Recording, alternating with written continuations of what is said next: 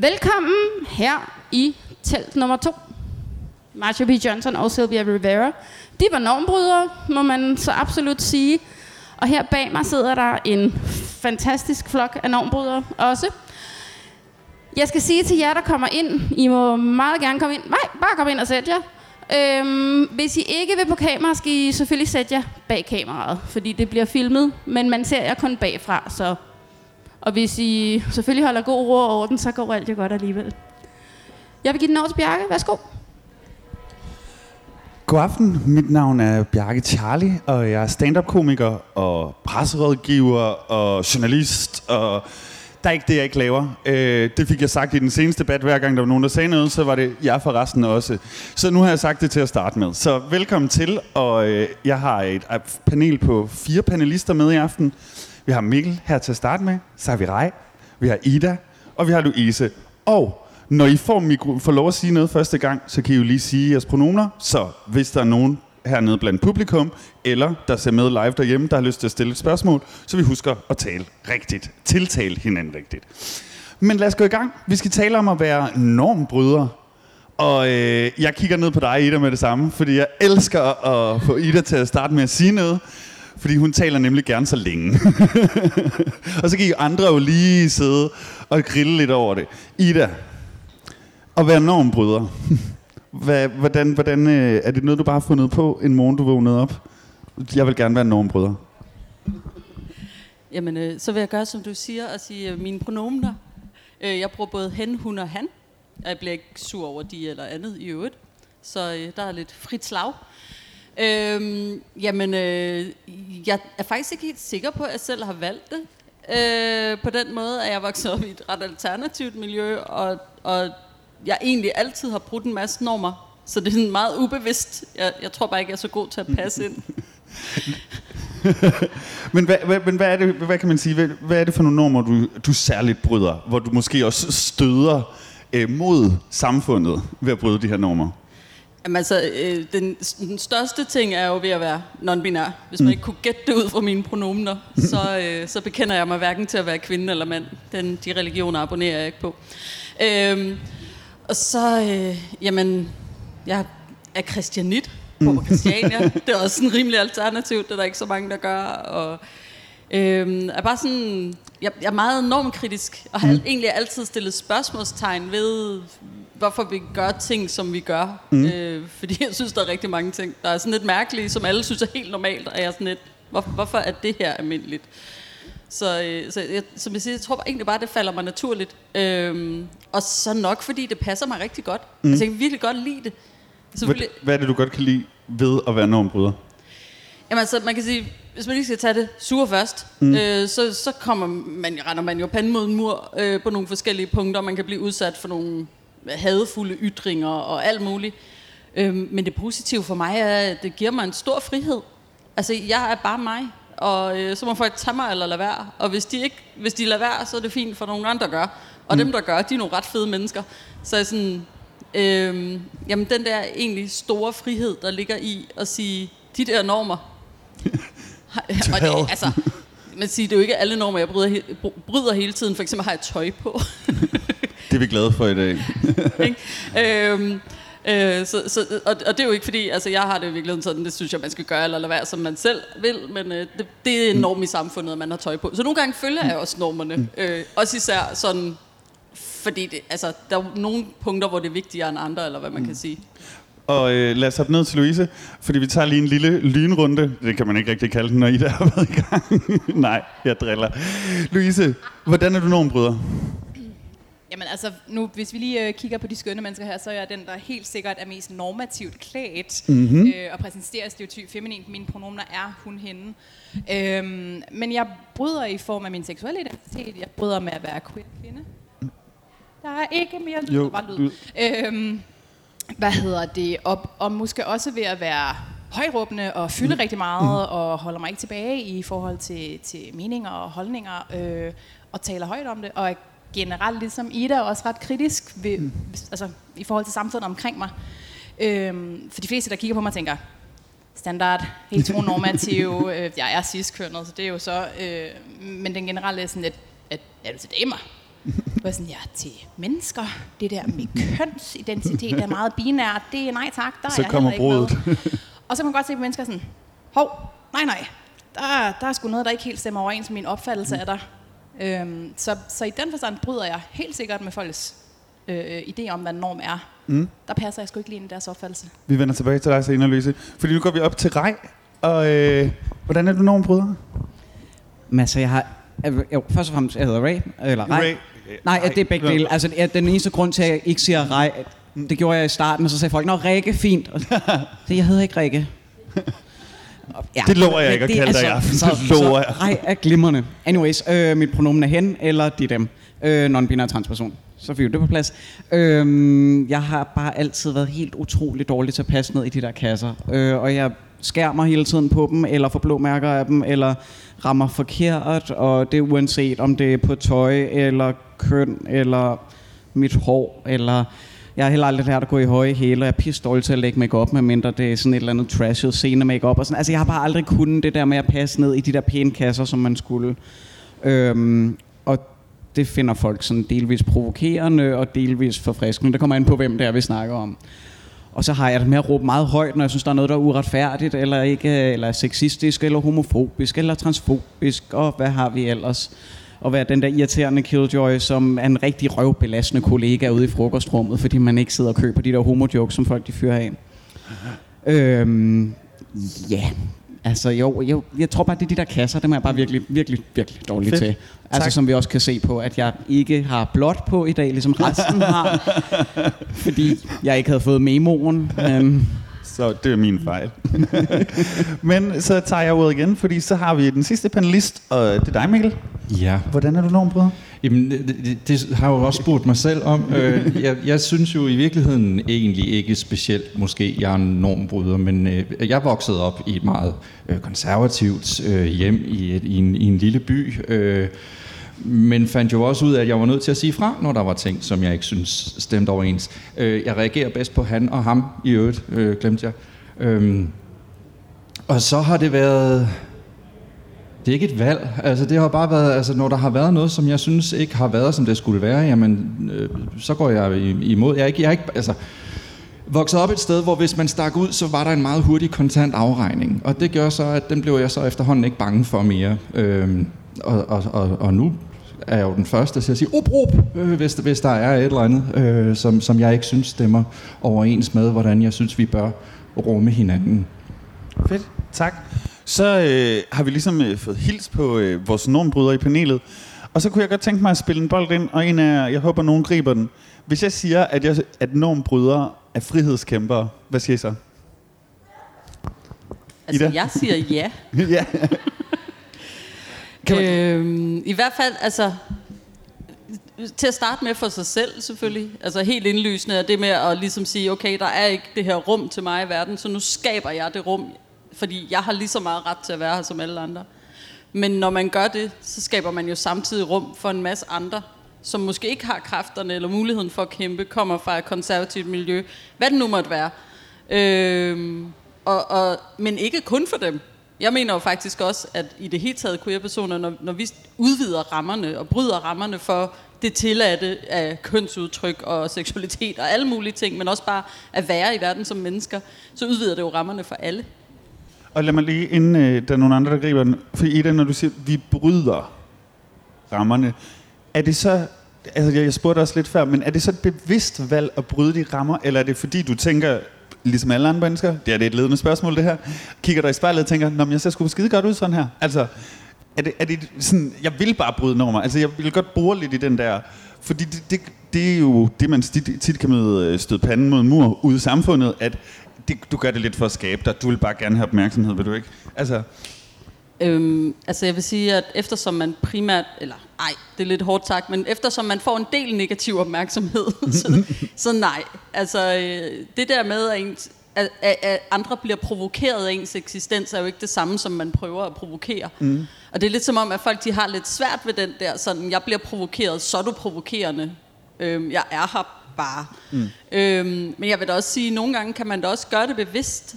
Øh, det er klart, at man kan, man kan passe mere eller mi- mindre ind normativt i sit for eksempel kønsudtryk, For man kan jo være mere eller mindre, eller lige non-binær for eksempel, uanset hvad ens kønsudtryk er. Mm. Eller man kan være lige homo biseksuel, uanset hvordan man ellers udtrykker sig. Mm. Og det er jo fuldkommen individuelt. Mm. Øhm, og både hvad man, hvem man er, og hvad man har lyst til, men også i forhold til, øh, hvor meget både man har lyst til at stikke ud, men altså, ja, det ved jeg ikke. Jeg, jeg tror egentlig bare, at... Øh, nu tabte jeg tråden. Men der er heller ikke noget rigtigt svar. Og heldigvis har du tre seje medpanelister, som kan overtage rej. Hvad siger du? Altså, jeg synes jo, der ligger en frihedskamp i det, altså, øh, men også en, en frihed i det. Fordi man, i hvert fald for mit vedkommende, er jeg bare nået til et punkt, hvor jeg er ligeglad. Altså, hvor det er den der, men altså, så kan folk rende mig, hvis de ikke kolder ud af nærheden af, at jeg ser ud, som jeg gør. Øhm, og jeg har det sådan, jamen, altså, så længe man er et ordentligt menneske, der gør godt for andre, mm. Så skide være med, at man ser sjov ud. Altså. Mm. Og hvad? Det bliver regnvejr. Ja, ja det var også lidt Øhm, skam. øhm, men altså, at det at insistere på at eksistere, er, er jo en kamp i sig selv, altså, når, man, når der er rigtig mange, der faktisk helst mm. vil have, at man ikke gjorde det. Øhm, og der ligger også det i det. Jeg tror, grunden til, at der er mange, der bliver provokeret af det, og netop siger den der, om så må jeg bare heller ikke få lov til at være mand, eller så må jeg ikke få lov til at være kvinde, at det er jo fordi, de presser deres egne normer ned over, der siger, jamen jeg synes faktisk ikke, du skal have lov til at falde uden for det her. Så selvfølgelig, så når du siger det, du gør, så synes du heller ikke, jeg skal have lov til at være det, jeg er. Mm. Altså der er en ekstrem processering i det. Øhm, selvom selvfølgelig skal de også have lov til at være her. Det kan være, nu tror jeg, der kommer øh, flere øh, publikummer herinde, så I må lige øh, huske at holde afstand, når det vælter ind med mennesker lige om lidt. Men lad os hoppe ned til Louise, inden vi bliver overrendt.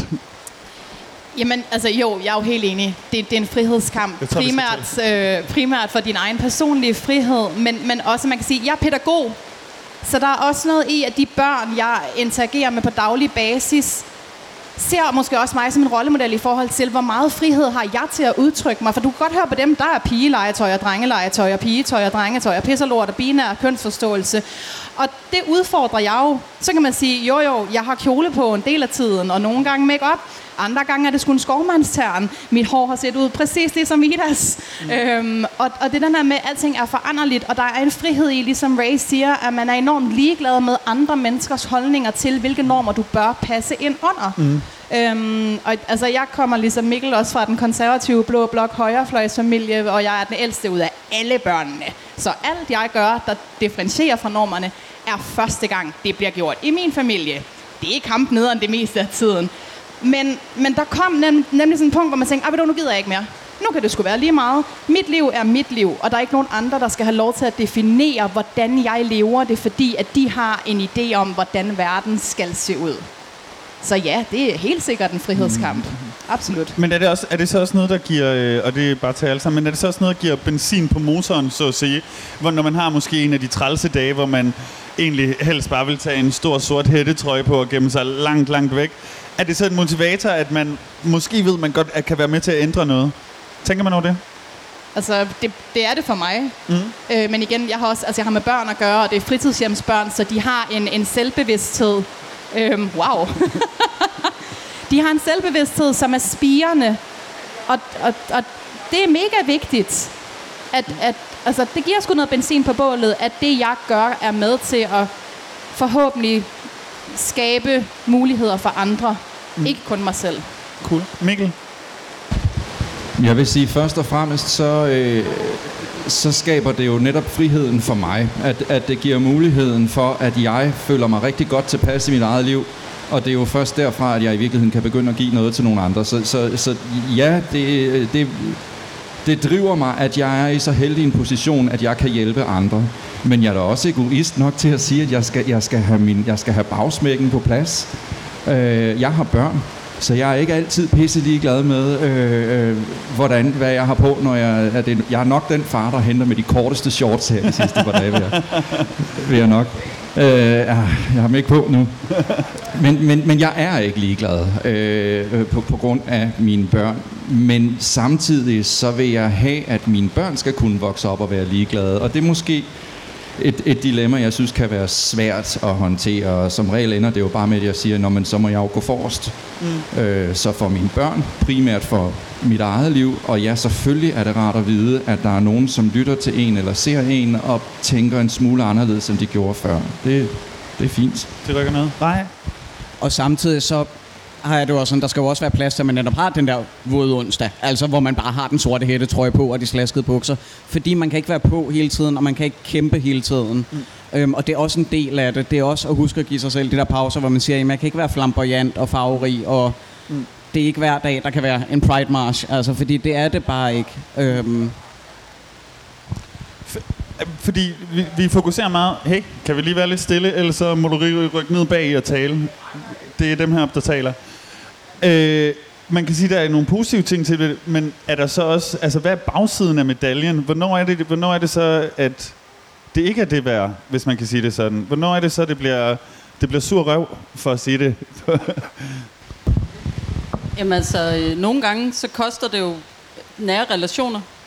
Altså, det, det tror jeg, de fleste har oplevet, desværre. Øhm, både fordi, altså, enten at nogen vælger en fra, øh, men faktisk i ret høj grad ender man med selv at måtte vælge folk fra, fordi de ikke har den grad af accept, både af ens selv, men også af ens andre venner. Mm. Øhm, og ligesom opleve øh, folk i ens omgangskreds jo mere opmærksom, man bliver på forskellige ting, hvor det er sådan, du er egentlig ret racistisk, det gider jeg faktisk ikke. Og så man egentlig, i første omgang prøver man jo at række ud til folk og sige, det der, det var ikke så fedt. Og når de så bliver ved, jamen, så kan det være, at man til, simpelthen til sidst må, må afbryde kontakten. Og hvis det er noget, der går på ens selv og ens egen identitet, så, så kan det jo godt være ret hårdt, fordi det er sådan, okay, du respekterer mig ikke.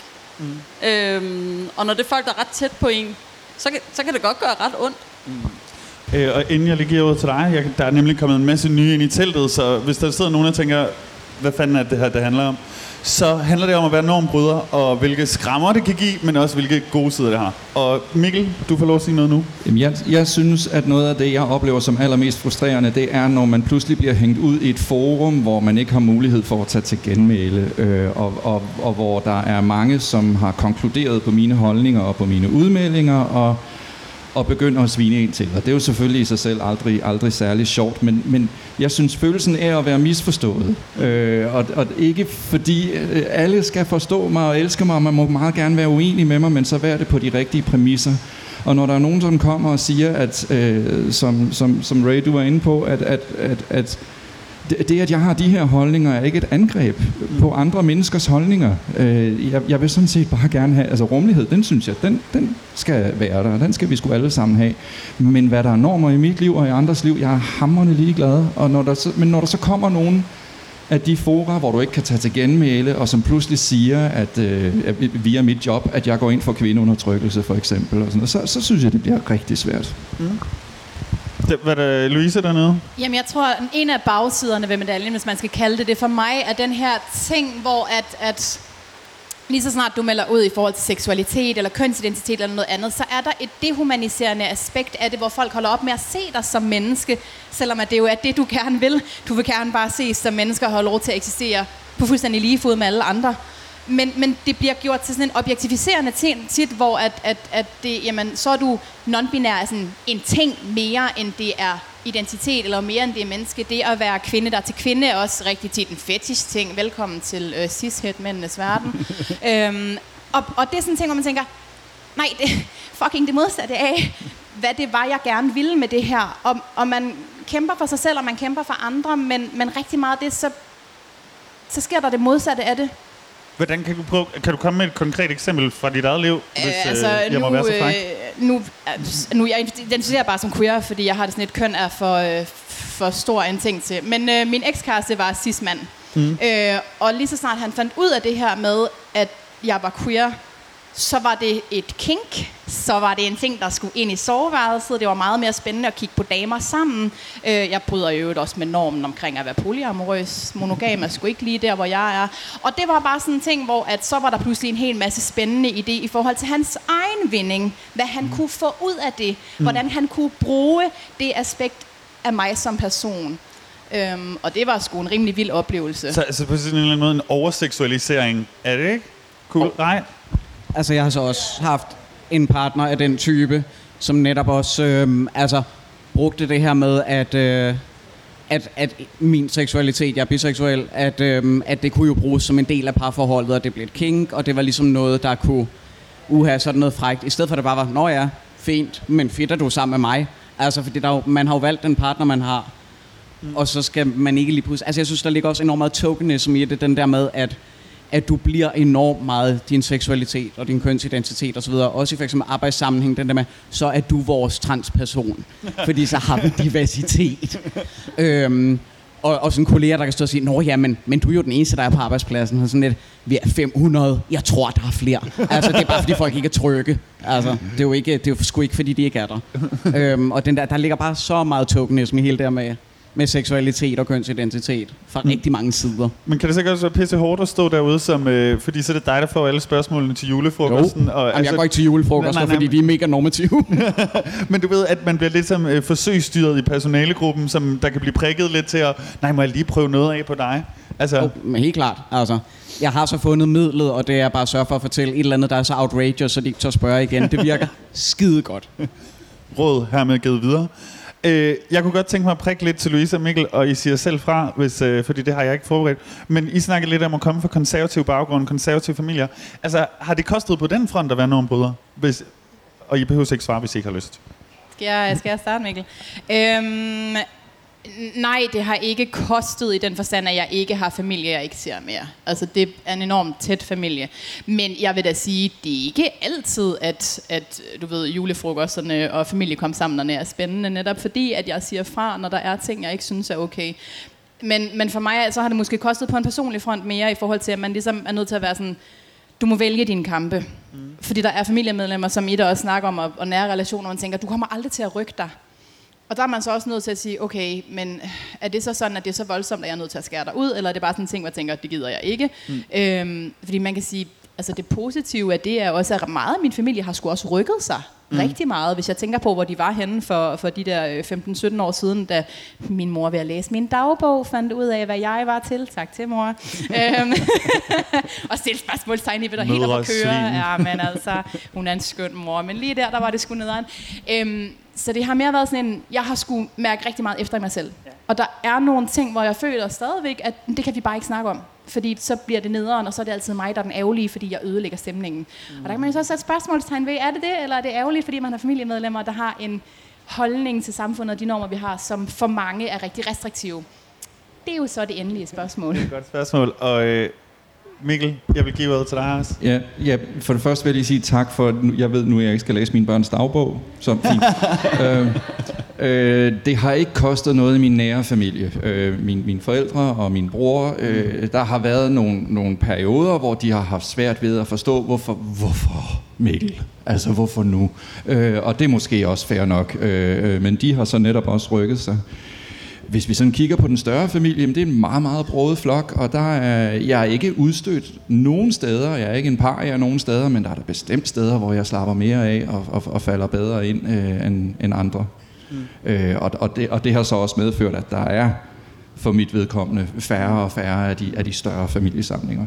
Ja, og, det, og det, grunden til at spørge, det er, fordi vi hører tit, at der kan blive et cut med familien, når man er normbryder i en eller anden grad sek- seksualitet og kønsmæssigt. Nå, du får lov lige om lidt men, men, men, men jeg synes også, det er fedt at høre, at der jo egentlig også kan være en, om den så er positiv, men en, en mindre negativ historie, hvor man egentlig rykker lidt, men også accepterer. Og det betyder ikke, at alle skal gøre det. Men Rej, jeg kunne se, at du ville sige noget, så jeg lige... det var bare til det her med, altså det sjove er jo så, at jeg kommer fra en på papiret meget progressiv familie, hippieforældre, bla bla bla bla bla, de var nogle 70'er typer øh, som er sådan meget, nej, men vi skal rumme alle, og alle lige meget værd, alle seksualiteter, der, alle etniciteter, bla bla bla bla bla. Det er bare ikke helt så nemt, når det er ens eget barn, der så springer ud og gør det hele, og får tatoveringerne og piercingerne, og knaller mange forskellige køn, og har en anden kønsidentitet og går i underligt tøj, så er det lige pludselig ikke så sjovt længere, og så er man ikke helt så rummelig så er det faktisk rigtig svært at rumme, fandt jeg jo så ligesom ud af. Øhm, og der er familiemedlemmer, jeg ikke taler med mere. Og eksplicit har måtte sige, jamen ved du hvad, jeg synes ikke, vi skal tale sammen længere, fordi der er ikke noget byg på. Altså have et godt liv. Øhm, og det er sjovt netop, fordi det er sådan en på papiret progressiv, rummelig familie, lige indtil det så er ens egen familie. Men også der bryder I normerne. For hvad konservativ og progressiv familie kan. Ida, jeg savner din stemme. jeg ved, du, du, kommer, du kommer fra en progressiv Christiania-familie. Det har vi talt om mange gange. Så er det, har det bare været en dans på roser at være dig? Altså, i, lige i forhold til det med at være queer, der må jeg sige, at min familie, det kunne jeg faktisk ikke rigtig tænke mig bedre. Øh, der, der er jeg virkelig, virkelig heldig. Der har været alle mulige andre ting. Altså forældre er vildt irriterende. Hvad, altså, hvad, hvorfor er de der egentlig? Jeg er ikke helt sikkert altid. Nej, de er også virkelig gode. Øhm, jamen, jeg var jo vildt heldig at vokse op et sted, hvor jeg blev bare accepteret øh, af min familie og øh, omgangskreds og børnehave og sådan nogle ting. Altså, der var ikke noget, det var sådan, om det er Ida og sådan noget det, og der, altså, men så startede jeg skole, og så var der nogen, der mobbede, fordi jeg lignede en dreng. Øh, det ville jeg jo helt selv, men lige indtil der var nogen, der gjorde mig opmærksom på, at det var forkert på en eller anden måde. Øhm, og, og der må man jo bare tænke, når det er otteårige børn, der kommer med sådan nogle ting, så, så er det jo ikke noget, de selv har fundet på af egen drift. Altså, der er nogle voksne, der har puttet det ind i hovedet på dem, nogle normer. Øh, fordi børn er egentlig ret cool. Altså, de, de er ret meget mere åbne end de fleste voksne. Øh, men det kan man sådan stille og roligt lukke til. Og hvis de er blevet presset ned i en eller anden kasse og nogle rammer, så er det meget sværere for dem måske at forstå. Altså, men det ved jeg ikke, om det er sværere. Der er også rigtig mange voksne, der har svært ved at forstå det. Altså, øh, og som, som egentlig siger og gør grimme ting. Jeg har oplevet noget af det samme, som Mikkel nævnte med at blive hængt ud. Øh, det var faktisk noget kommentar på Facebook fra en lukket gruppe, som nogen valgte at offentliggøre på sider og sådan noget, øh, uden, uden for kontekst, for sådan noget 5.000 følgere og sådan noget, og hænge mig ud for nogle holdninger, jeg absolut ikke har. Og deres primære anke over for mig er, at jeg kæmper for transkønnedes rettigheder. Altså, det, jamen, jamen, det skal man åbenbart lade være med. Altså, men det, er det, er virkelig, øh, det er virkelig, virkelig grænseoverskridende. Altså, ja, det, men der kan man også sige, at sociale medier, der er det lidt ude af ens egen hænder. Øh, det er svært at kontrollere. Men jeg vil godt dvæle lidt ved barndommen stadigvæk. Fordi at, at, at, er det bare, øh, altså kan man bare vokse op og være enorm bryder, og så, øh, Dana, nu har du fået lov at svare i det, men, og så er det bare nemt at danse ned ad den vej. Altså, vi har været lidt inde på det, men, men hvordan kommer man, kan man egentlig komme igennem det barn? For I sidder her jo og er voksne i dag, og I ser skide godt ud, ikke? Så hvordan, er der noget sådan, Jeg synes faktisk, det var... Jeg synes faktisk, det var nemt, fordi jeg, altså, jeg har ikke igen haft en bevidsthed om, uh, nu normbryder jeg. Ja. Øh, jeg har gjort de ting, der gav mening for mig. Øh, og, og, og så længe det anker er der, jamen, så, så er knups ikke helt så svære at tage imod på en eller anden måde. Så, så, og nej, selvfølgelig har det ikke været nemt hele tiden. Jeg har da været super ked af det og følt mig øh, alene og misforstået, og der findes ingen i verden som mig, og det var før internet og alt sådan noget. Øh, så, så, så på den måde nej, men, men, men det har ikke det har ikke været sådan en, men jeg, jeg, jeg ved ikke, altså det, det, det, har bare, det har bare været, det har hele tiden været det næste skridt, og det naturlige næste skridt, øh, at det lå der, og så samlede jeg det op, mm. tror jeg. Enig. Og det er også øh, til jer, der ikke har været med hele tiden, har vi nemlig lige præcis snakket om det her med at være normbryder, om det er noget, man vælger, eller om det er noget, man er. Og panelet har været enige om, at det er selvfølgelig noget, man er. Nej, vil du øh, knytte en kommentar også? Øhm, altså, sådan hele det der med barndom og så videre. Altså, jeg var sådan, der bare bumlede igennem livet, og så stødte ind i alle mulige skarpe hjørner. Altså, jeg var sådan en af de der små ensomme nørder, som øh, rigtig godt kunne lide mine bøger, og ikke ret godt kunne lide andre mennesker. Øhm, ja, det er stadigvæk rigtig mange mennesker, jeg faktisk ikke kan lide, men det er sådan. øhm, men, øhm, men altså, altså, det som jeg synes var hårdt, det var jo den der med at, at blive drillet for det tøj, man gik i, øh, og sådan som jeg så ud, fordi jeg ramte bare aldrig rigtigt. Altså jeg ramte altid forkert, lige meget meget jeg prøvede. Øhm, og den der med, med at fyren de sad og sagde til ham, åh jamen altså, du er jo ikke en dem, man bliver kæreste med, fordi du er jo en af drengene. Nå, det var så ham, jeg synes var lækker, der sagde det til mig, mens han klappede mig på ryggen. Ikke? Der var sådan, nå, fuck. Så det backfired ligesom også. Altså den der med, at man hele tiden sådan ramte ved siden af. Altså, og jeg synes virkelig, at jeg prøvede hårdt, og så opgav jeg så omkring, jeg var 19 eller sådan et eller andet. Så, nå, okay, fint. Så skal jeg bare ikke, altså. Så lige meget med det. Mm. Men jeg synes, det var hårdt, altså. Super. Øhm, jamen jeg tror, min barndom var rigtig god. Altså sådan lidt ligesom Mikkel, så var det sådan, altså mine forældre, der, har, der er enormt meget kærlighed i min familie, men det er en meget heteronormativ familie. Og det er jo også der, hvor det sådan, altså deres fejl, hvis man kan kalde det, det var mere sådan et, jamen det er sådan, det er. Så det er det, du vokser op med. Så min verdensforståelse var jo også bare enormt normativ, fordi det var det, mine forældre sagde. Øhm, så, men jeg følte mig altid lidt skæv. Jeg passede ikke skide godt ind i skolen heller. Øh, øh, og det var også lidt mærkeligt, at de der piger var også lidt mere spændende end drengene alligevel. Og det vidste jeg ikke, hvad jeg skulle gøre med. Jeg, altså, jeg kendte ikke termet biseksuel, før jeg var 15. Øhm, og, og det var sådan et, og det var ikke fordi, jeg nogensinde havde fået at vide, at det var skidt at være til, til eget køn, men det var, bare, det var bare aldrig blevet talesat. Så jeg tror, i den forstand, så kan man sige, at min opvækst var mangelfuld, fordi den var ikke så nuanceret, som man kunne håbe, at den var. Men den var jo hverken hadfuld eller begrænsende sådan, hvad skal man sige, aktivt. Mm. Øhm, og det er jo så også måske derfor i dag, at jeg er så bevidst om i mit kvæg af mit arbejde og mit fag, at være sådan, prøv at høre, verden er større end det, I tror, den er. Der er mange flere muligheder, end det, I er bevidste om lige umiddelbart hjemmefra. Mm. Og, og det synes jeg er vigtigt at i talesæt. Og så kan det godt være, at de vokser op og er super heteronormative, ciskønnede børn, øh, øh, helt øh, standardnormale i forhold til stereotypen. Men så har I i det mindste fået at vide, at der er mere, end det man bare lige tror. Tak, og jeg har lavet mig fortælle, at vi har et øh, spørgsmål fra online, skulle jeg sige, fra online. Fra online. Fra dem, der sidder sig med derhjemme, eller hvor de sidder sig med i parken, i bussen, måske lige herude foran. Det er til Rej. Uh-oh. Uh-oh. Du sagde, at du ville fortælle noget outrageous, så folk ikke spørger igen. Kan vi få et eksempel?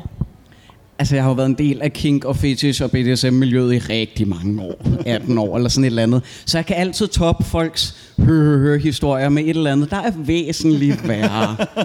Og det virker fantastisk, for så bliver folk meget stille, og så skifter de emne.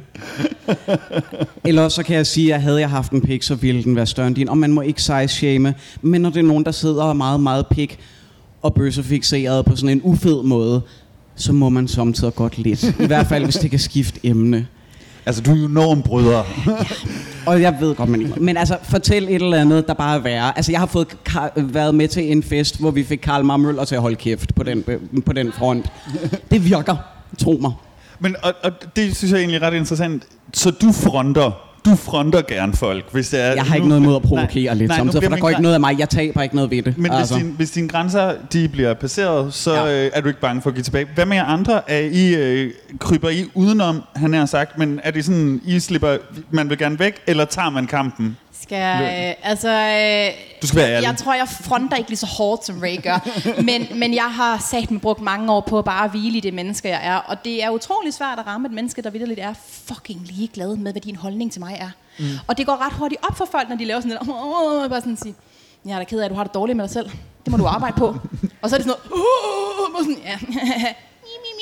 Vi ses på grillen. Altså, det gider jeg ikke. Jeg vokser op på Vestegnen, men du kan godt pakke det sammen. En konservativ familie fra Vestegn. Vi får mere og mere at vide, som, øh, som dagen skrider frem. Mikkel, du ligner også en, der vil sige noget. Øh, ja, nej, jeg glider ikke af. Øh, men altså, vi har jo hver vores måde at konfrontere mm. andre mennesker på. Øh, nej, det ville være tåbeligt at glide af. Altså, det vil, det vil jeg ville føle, at jeg svigter mig selv, mm. øh, hvis jeg glider af. Så, så nej, bestemt ikke. Øh, øh, jeg har heller ikke brug for... Øh, Ja, det ved jeg ikke. Det er sådan lidt forskelligt. Altså, der, der er nogen, som man sådan lige skal have, tage lidt med fløjlshandsker, og så er der andre, som bestemt ikke skal have en fløjlshandske. Men, men, men jeg synes som regel, at øh, jeg bare siger fra. Ida, hvordan er dine fløjlshandsker? Med knupper eller uden? Ej, jeg tror lidt, de har klør nogle gange. øhm, jeg vil også sige, at man kan også, man kan også nogle gange sådan, bare lave sådan et virkelig what the fuck ansigt. Sådan, hvad i alverden er det, du siger? Øh, jeg har set, Louise har et rigtig godt et, når du kommer sådan i regnbue fra top til tå, og der alligevel er en eller anden mand, der er sådan, hmm, hmm, du er sød og du bare sådan, hvad, hvad er det, du ikke forstår? øhm, og, og, og altså, det er jo det nogle gange, så skal man tage den hårdt, og nogle gange, så skal man tage den med humor. Mm. Øhm, og så også bare udstille det absurde i det, folk siger. Altså sådan folk de er sådan helt vildt grænseoverskridende. Der er sådan nogle normer for, hvornår man godt må være grænseoverskridende i vores samfund. For eksempel sådan noget, Nå, men skal I snart have børn? Og det rager virkelig ikke andre, hvad folk skal og sådan noget. Eller hvor de selv fortæller, om vi er så gået i gang med at prøve. Det har bare heller ikke behov for at vide. Altså, det, det, jeg synes, nogle ting er lidt mærkelige, og det er sådan noget, som er okay at gøre. Så nogle gange har jeg det lidt sådan, det, det kan være ret sjovt at ligesom servere sådan noget for folk og vise, hvor absurd det, der er okay, er, og hvor, øh, hvor, hvor ligegyldigt det, der åbenbart er meget øh, outrageous, egentlig er. Fordi jeg, jeg synes faktisk tit, det hænger sådan sammen. Og det er jo det, der netop ligger i at bryde normerne. Både at sige, jamen det her, som egentlig er et brud, det er egentlig ikke særlig noget øh, højt flyvende. Øh, men også det, som er meget normativt, det er så nogle gange virkelig underligt. Nej. Altså øh, netop det der med, at folk de føler, at de har sådan carte blanche til at bryde normerne helt ekstremt over for en. Det havde jeg jo så der begyndt min transition sådan. Altså, det begyndte jeg jo lang tid før, men rent fysisk, at jeg besluttede at få fjernet brysterne og begyndte at tage testosteron og så videre. At folk så kan sige, Nå, men så går dig og Stuart, så går I fra hinanden, eller hvad? Altså Stuart, øh, det er min, det er min, min partner gennem 13 år, vil jeg mærke. Så sådan, øh, nej, Nå, jamen altså, hvad, jamen, hvad, hvad, hvad gør I så? Altså, det er sådan et, undskyld, sidder du og spørger om, hvordan vi har fucking sex, eller hvad? Altså, hvad er det, du gerne vil vide? Det er sådan en, what? Altså, hvor folk de er sådan fuldstændig, nå, jamen hvorfor må jeg ikke spørge om det? Fordi det rager sgu da ikke dig, og hvorfor har det noget med sagen at gøre? Altså, det er sådan virkelig absurd samtidig. Vil du sige noget, eller holder du bare mikrofonen? Nej, jeg vil bare, ja, det gør jeg også. Jeg vil bare lige knytte, fordi i forhold til det, Mikkel sagde, var meget sådan med forskellige handsker. Fordi jeg har det også lidt sådan, du kan som regel godt høre på folk, om det er sådan en for, at du åndssvag, idiot, altså whatever. Øh, undskyld udtrykket, det skal jeg vende mig af med at bruge. Øhm, men der er også dem, hvor du kan høre, og der hører min familie for eksempel ret meget under den her med, det, de forstår det vidderligt ikke. Og de er nysgerrige på det, de ikke forstår, og som er, det giver ingen mening for dem. Og jeg kan godt forstå, hvis man er sådan en højre blok, øh, øh, blå konservativ familie, men er sådan, det her har jeg gud hjælp mig aldrig nogensinde stødt på før, fordi min verden er måske lidt lille i forhold til andres. Øhm, og der har jeg det meget sådan, hvis det kommer fra et sted af oprigtig interesse, så kan jeg godt som oftest finde overskud til at sige, det du lige gjorde der var kampnederen, men jeg vil også gerne forklare dig, hvorfor det er det. Men det er så også, fordi jeg tror på, at, at som normbryder, så vil jeg jo gerne have, at andre mennesker har samme indstilling til normer og bliver normkritiske, og, og det bliver de jo nok egentlig kun, hvis jeg ligesom forklarer dem, hvorfor ligesom Ida siger, at normer er sådan et på mange mm. punkter. Mikkel? Du vil gerne købe Jamen, jeg synes, det er en rigtig interessant pointe at tage op, og noget, som jeg synes er svært at diskutere færdigt med de her upassende spørgsmål og de grænseoverskridende spørgsmål, fordi jeg har heller ikke valgt at være reklamesøjle for noget som helst. Jeg har valgt at være mig og vil gerne leve mit liv og vil gerne finde ud af, hvornår jeg tager den sorte hættetrøje på, og hvornår jeg tager blåt på. øh, men, men, men omvendt, så har jeg det også sådan, at, at, at, at jeg gider ikke være din Google, men nu kommer du og spørger, og hvor fanden skulle du ellers lære det henne? Øh, for jeg ved godt, hvad man også kan finde på Google. Øh, og, og jeg ved, hvad jeg ved, fordi der er mennesker, der har været så generøse, at de har delt deres viden med mig. Øh, og, og, og, og det skylder vi jo måske også på et eller andet punkt. Men åh, grænseoverskridende spørgsmål. Ja, nej, du får lige lov. Der er også, altså, og netop til det der, der er, også, der er jo så sindssygt mange måder at spørge på, og jeg har også haft kolleger, der er kommet med sådan helt respekt for at sagt, ved du hvad, jeg er virkelig ked af, hvis det her det er grænseoverskridende. Jeg ved ikke, hvordan jeg skal spørge. Vil du ikke lige forklare mig, hvordan det er med det der, nu skal du have fjernet bryst. Hvordan foregår det? Jeg er bare virkelig nysgerrig, fordi jeg forstår det ikke. Og jeg er bange for, at jeg finder nogle forkerte links, hvis jeg googler det. Fedt! Det er en skide god måde at spørge på, fordi så åbner du op, og så vil du rent faktisk gerne lære. Og det er jo super fedt. I stedet for at sige, åh, oh, så er du ikke nogen patter mere. Hvordan tror du, det vil føles? Fuck dig. Eller rettere sagt, aldrig levet. Men lad mig, øh, fordi det lyder jo også, det kan godt komme til at lyde sådan lidt til, at øh, det er nemt at sige fra, og det kan vi gøre med lidt humor. Men er der ikke spørgsmål, altså når man vælger den sådan lidt direkte vej, et kan være, at det er nogen, man kender, og det der ikke med, men hvad hvis det er fremmed, og kan, der blive, kan man ikke blive sådan bange for sin egen sikkerhed, eksempelvis? Hvis man øh, fronter. Louise? Selvfølgelig kan man det altså igen, så er der også det der med at læse rummet og læse mennesket, du har noget med at gøre. Mm. Og jeg vil også sige, altså min overbærenhed med vildt fremmede mennesker, som igen mener, at jeg er en ting, man kan gå til, og de har en eller anden form for berettighed til min viden og min person. Det, det er ikke mennesker, jeg har lyst til at have noget med at gøre. Man kan sige, nu vejer jeg 106 kilo og 1,83 høj, så altså, jeg er rimelig privilegeret i forhold til den der med at altså frygtelig for min egen sikkerhed. Øh, versus havde jeg, du ved, været 1,53 og vejet 45 kilo, jamen så er der noget fysisk vinding, jeg har. Men, men det er jo klart, du aner jo ikke noget om det her vildt fremmede menneske, der står og har en eller anden idé om, at, at de vil have noget viden. Og jo, så ved du heller ikke, hvordan de reagerer, hvis du vælger at engagere dig med dem og siger, når man sådan her, sådan her, noget fucking pis øh, øh, din fucking læbe, jeg giver dig til, whatever, eller du skal bare prøve en rigtig pik, og hvad har du ellers? Altså, jeg tror, jeg har fået dem alle sammen serveret, hvis man forsøger at gå i byen fredag aften, ikke?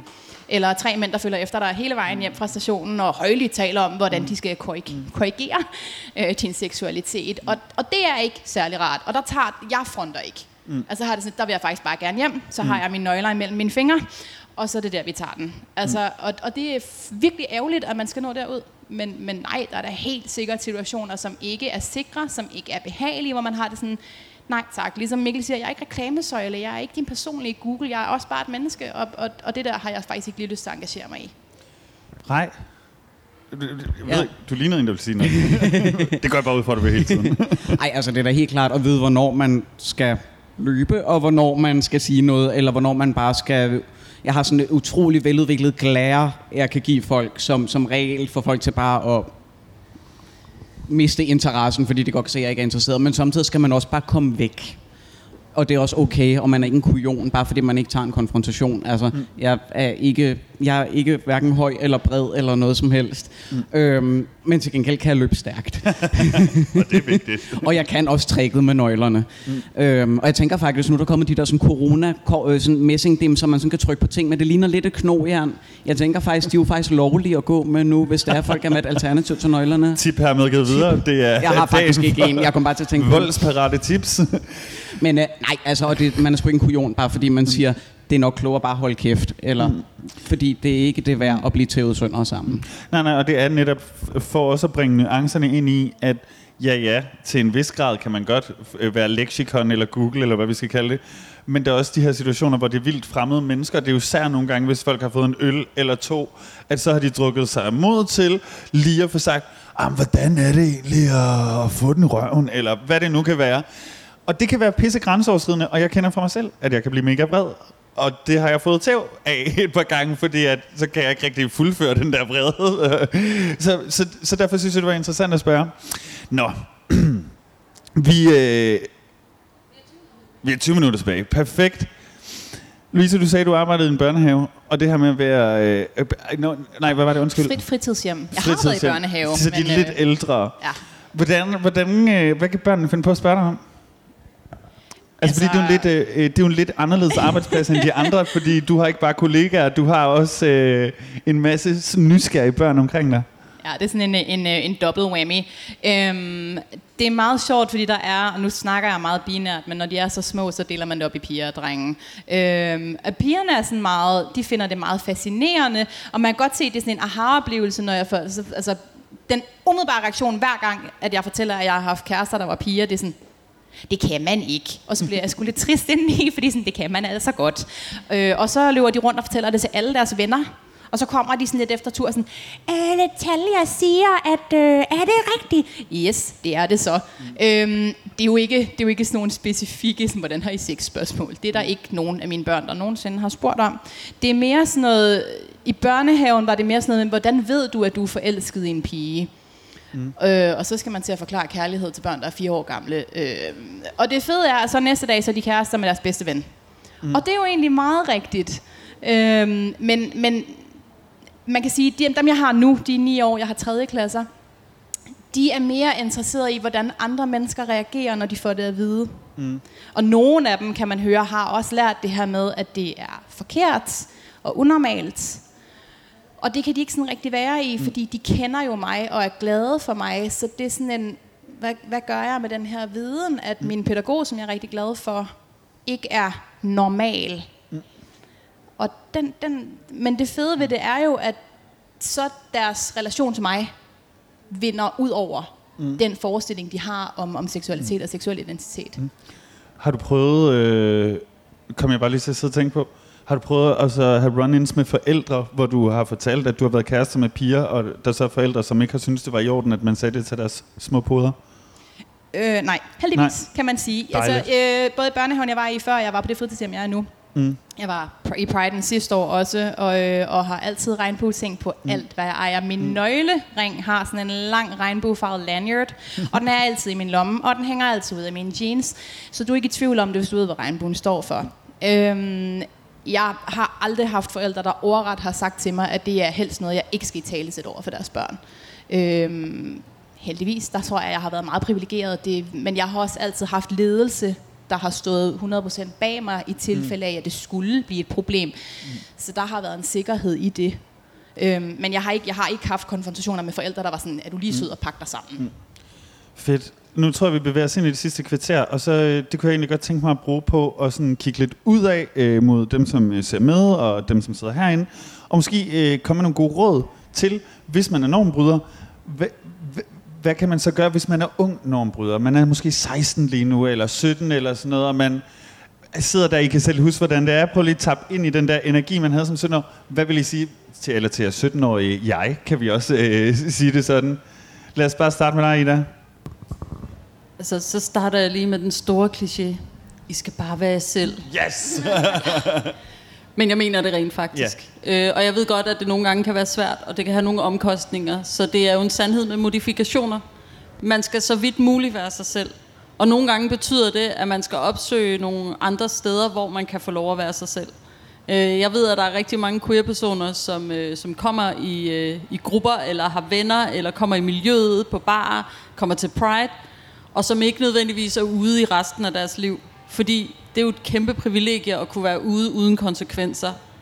Også i Danmark i 2020. Øhm, så, så, så vær det, men find ud af, hvor og hvordan I kan være det på en måde. Øhm, og så har jeg også jeg har venner, som, som har mistet øh, stort set hele deres omgangskreds ved at komme ud. Øh, familie, venner, øh, afhængig af hvor man kommer fra, så kan det altså bare betyde, at, øh, at, at alle mere eller mindre vender en ryggen. Og så er det jo rigtig vigtigt, at man har nogle andre.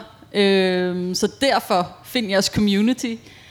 Øh, og så prøv at finde det sted, hvor man kan være ligeglad. For jeg er også der, hvor jeg er sådan, jamen, du må gerne synes alt muligt om mig. Det siger kun noget om dig. Det siger intet om mig. Og det er, nemlig, det er så den anden pointe. Når folk siger noget grimt om dig, så handler det om dem selv. Det handler ikke om dig. Og jeg ved godt, det er ubehageligt, og jeg ved godt, det er nemt at sige, og du skal bare ignorere det, og det råd har jeg også altid hadet. Man skal ikke ignorere det, man skal ikke finde sig i had, nødvendigvis.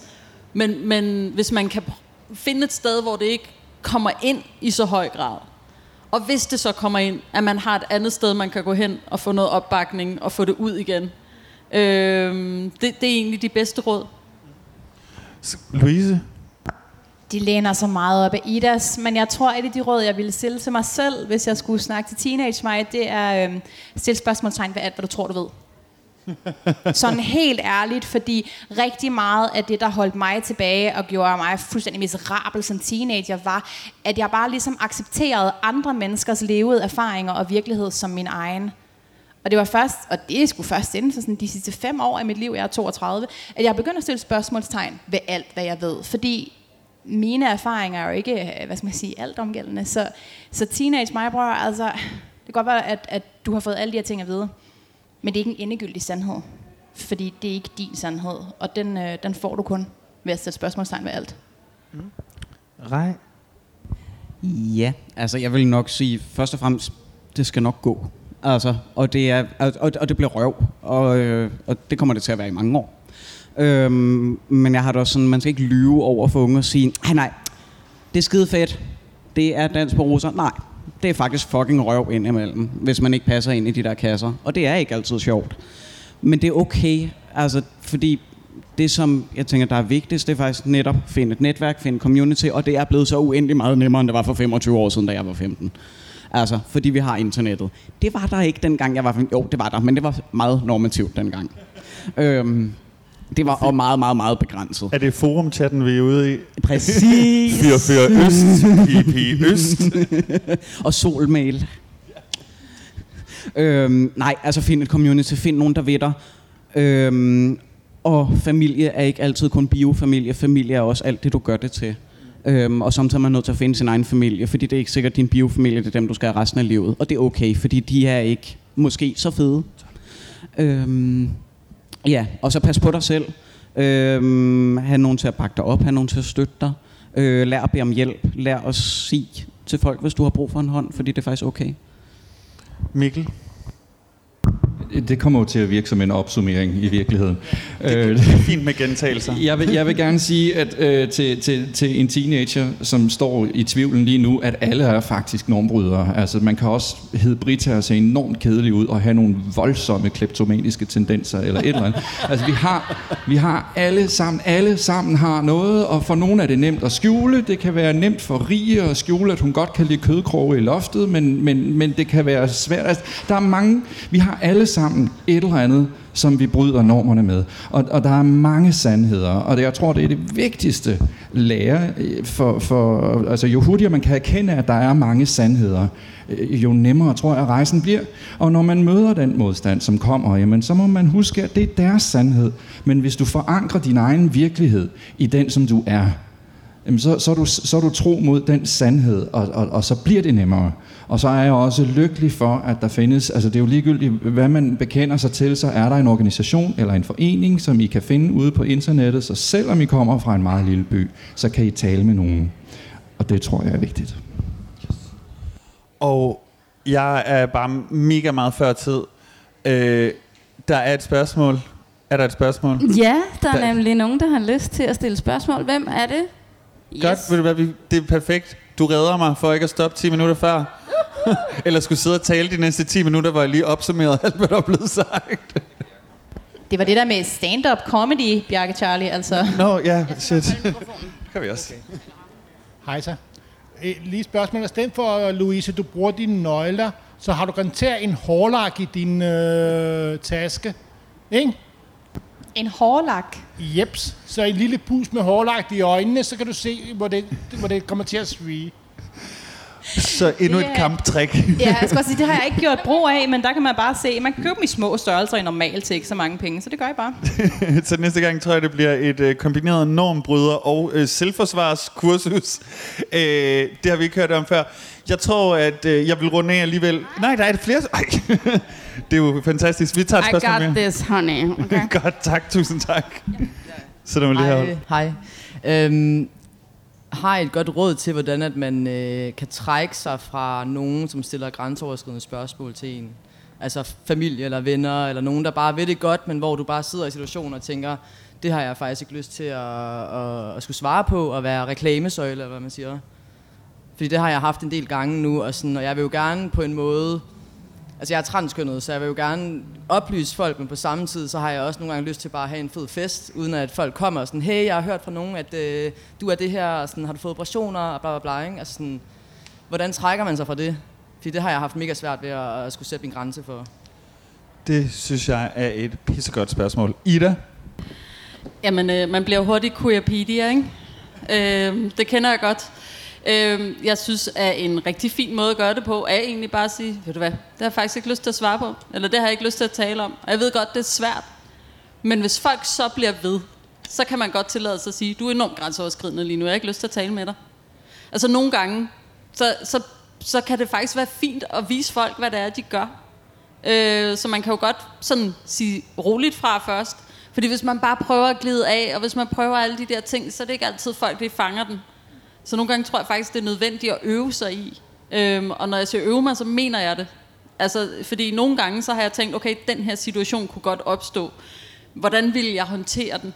Jamen, så må man stå derhjemme, om man står foran spejlet, eller i brusebadet, eller hvad man gør. Og så ligesom øh, tænke lidt over, når, hvordan, hvis de siger sådan, hvordan, så vil jeg svare nogenlunde sådan her. Og så er det ikke sikkert, det lykkes de første gange. Altså, så kan det godt være, at man får sagt noget lidt skævt, eller et eller andet. Men, øhm, men man bliver simpelthen nødt til at øve sig på det, fordi du har ret til at have dine grænser, og du har ret til at være til en fest, og bare hygge dig og tale om øh, fodbold, eller øh, Melodi Grand Prix, eller hvad det nu er, der lige øh, popper ind på lystavnen vejret. Danskernes yndlingsemne. Øhm, så, så, så det skal du jo have ret til, og der, der må man bare sige, ellers tak, det har jeg ikke lyst til. Rej, du har også. Altså, jeg hørte et andet ret godt partytrick fra en, som også var rigtig træt af det, og det var den der med, hvis det ikke virkede i første omgang, at sige, ved du hvad, jeg skulle egentlig bare til fest. Det kan vi snakke om på et andet tidspunkt. Så havde personen som en stak sådan små udprintede sædler, visitkortstørrelse liggende i tasken, hvor stod, Hej, jeg er queer. Ja, det har du fuldstændig ret i. Jeg gider ikke snakke om det lige nu, for vi er til fest. Men du kan eventuelt prøve at kigge på den her hjemmeside, eller sådan noget i den stil. Altså, make your own. Print dem ud. Det koster ikke særlig meget. Og det er super nemt. Og så lægger man en seddel til, ved du hvad, læs lige den her, og så smutter man. Det er sådan en trick, Jehovas vidner også bruger og sådan noget. Det virker skide godt. Det så føler jeg, flygter det, vi folk. skal. Det var, det var sgu et godt råd. Og, og så vil jeg bare lige et lille tip. I stedet for at sige Google, så kan man sige, øh, prøv at bruge LGBT Danmarks ordbog. Yes. Og Louise? Men, men det læner sig faktisk, jeg skulle lige til at sige det samme. Jeg begyndte bare sådan at referere til netop til LGBTQ. Så for satan, så er der fest. Øhm, men noget helt andet er, det var bare sådan lidt i, i forlængelse af dit, Ida, sådan, du har ret til at være dig. Og det er andre mennesker, der er noget galt med. Det er andre mennesker, der ikke kan finde ud af at respektere andres grænser. Og det er altså en brist hos dem. Du skylder ikke nogen noget. Og det er rigtig svært at være i. Jeg vil godt lige lov til at pointere, at vi har alle sammen rundet 30. Undskyld. Så vi har brugt mange år på at lære os selv det her, og det er fucking hårdt. Det er det. Men jo mere man gør det, jo nemmere bliver det. Der er ikke nogen, der forventer, at du kan fra start af. Og de første gange vil det føles mega grænseoverskridende for dig at sige fra. Men jo flere gange du gør det, jo nemmere bliver det, og jo mere hviler du også i det. Så det er det værd. Nej, fordi jeg tror... Var det svar nok? Fedt. Fordi vi har et spørgsmål mere. Ikke? Nej, øh, ja, ja, det ved jeg ikke. Har vi det? Er der nogen, der... Vi har fem minutter tilbage. Der Nej, er tid til et spørgsmål Men vi går mere. rundt også gerne af. Fedt. Nej. Så tror jeg... Nå, ved du hvad? Ida vil gerne sige noget, så kan jeg jo ikke øh, lukke munden på hende mere. så, Så bare hvis man, altså når man så når et punkt, hvor man har noget mere overskud, og man ligesom har prøvet det der ellers tak nogle gange, så kan vi komme over i stand Så kan man prøve med noget humor. Ej, ved du hvad, jeg har hørt, du er sidstkønnet. Jeg bliver simpelthen nødt til at høre noget mere ja. om det. Altså, det, vil- prøv at bare Hvordan vende har du op. sex? Ja. Jeg har altid tænkt over, hvordan ciskønnet har sex. Altså, hva, hva, hva, hvilke, hvordan er dine kønsorganer? Har du fået nogle operationer? Et Hvad andet. siger dine forældre til og det? med, har du fået nogle operationer, øh, og ja, hvordan er det at være ciskønnet, runder vi af og siger tak til Mikkel, Rej, Ida og Louise, og til Copenhagen Pride for at lægge til til denne her øh, underholdende debat om at være normbryder slash selvforsvarskursus. Tak for rådet med hårlakken. Øh, mit navn er Bjarke Charlie, og jeg er rigtig glad for, at I havde lyst til at være med her den øh, sidste times tid. Tak for i dag.